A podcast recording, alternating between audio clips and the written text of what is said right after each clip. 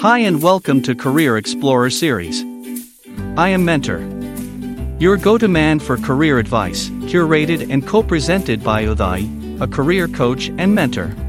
This series will help them to make confident career choices, and each episode deals with the process you need to do to choose and build your career. So do not skip any episodes.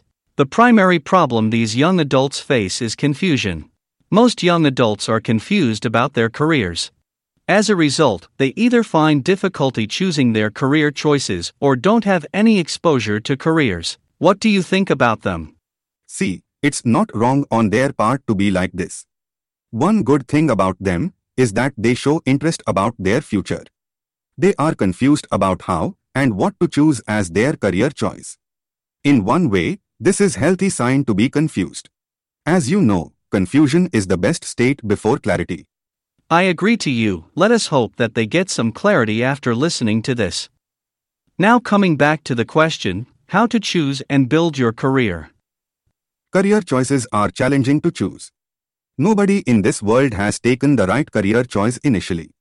A lot of undergoing and changes happen in their life before they set their careers. Every decision they take in their careers was influenced by someone or the other in their lifetime who guided them on the right path. You create your career path as and when you start and build it all along. To make this clear, I quote some reference here.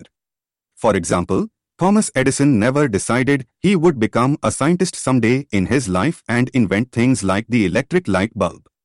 Likewise, APJ Abdul Kalam in his school days not even once thought he would become India's famous space research scientist. But later on, became a nuclear scientist and was conferred the title Missile Man of India. He then went on to become the first citizen, namely the President of India. As I said earlier, nobody can tell you what you can become until you choose to become. Hope you got this message clear now. Rightly said, your career choices are what you choose to be. Career choices you make do not hold for a lifetime. Instead, it is shaped as and when you lead your life. To know more about choosing your career, listen to the next episode of the Career Explorer series. Do share this podcast with your friends and family who need this enlightenment. Remember, sharing is a way of caring. Your support can change someone's life. See you again in the next exciting episode. Until then, it's your mentor, Uday signing off from you. Bye and take care.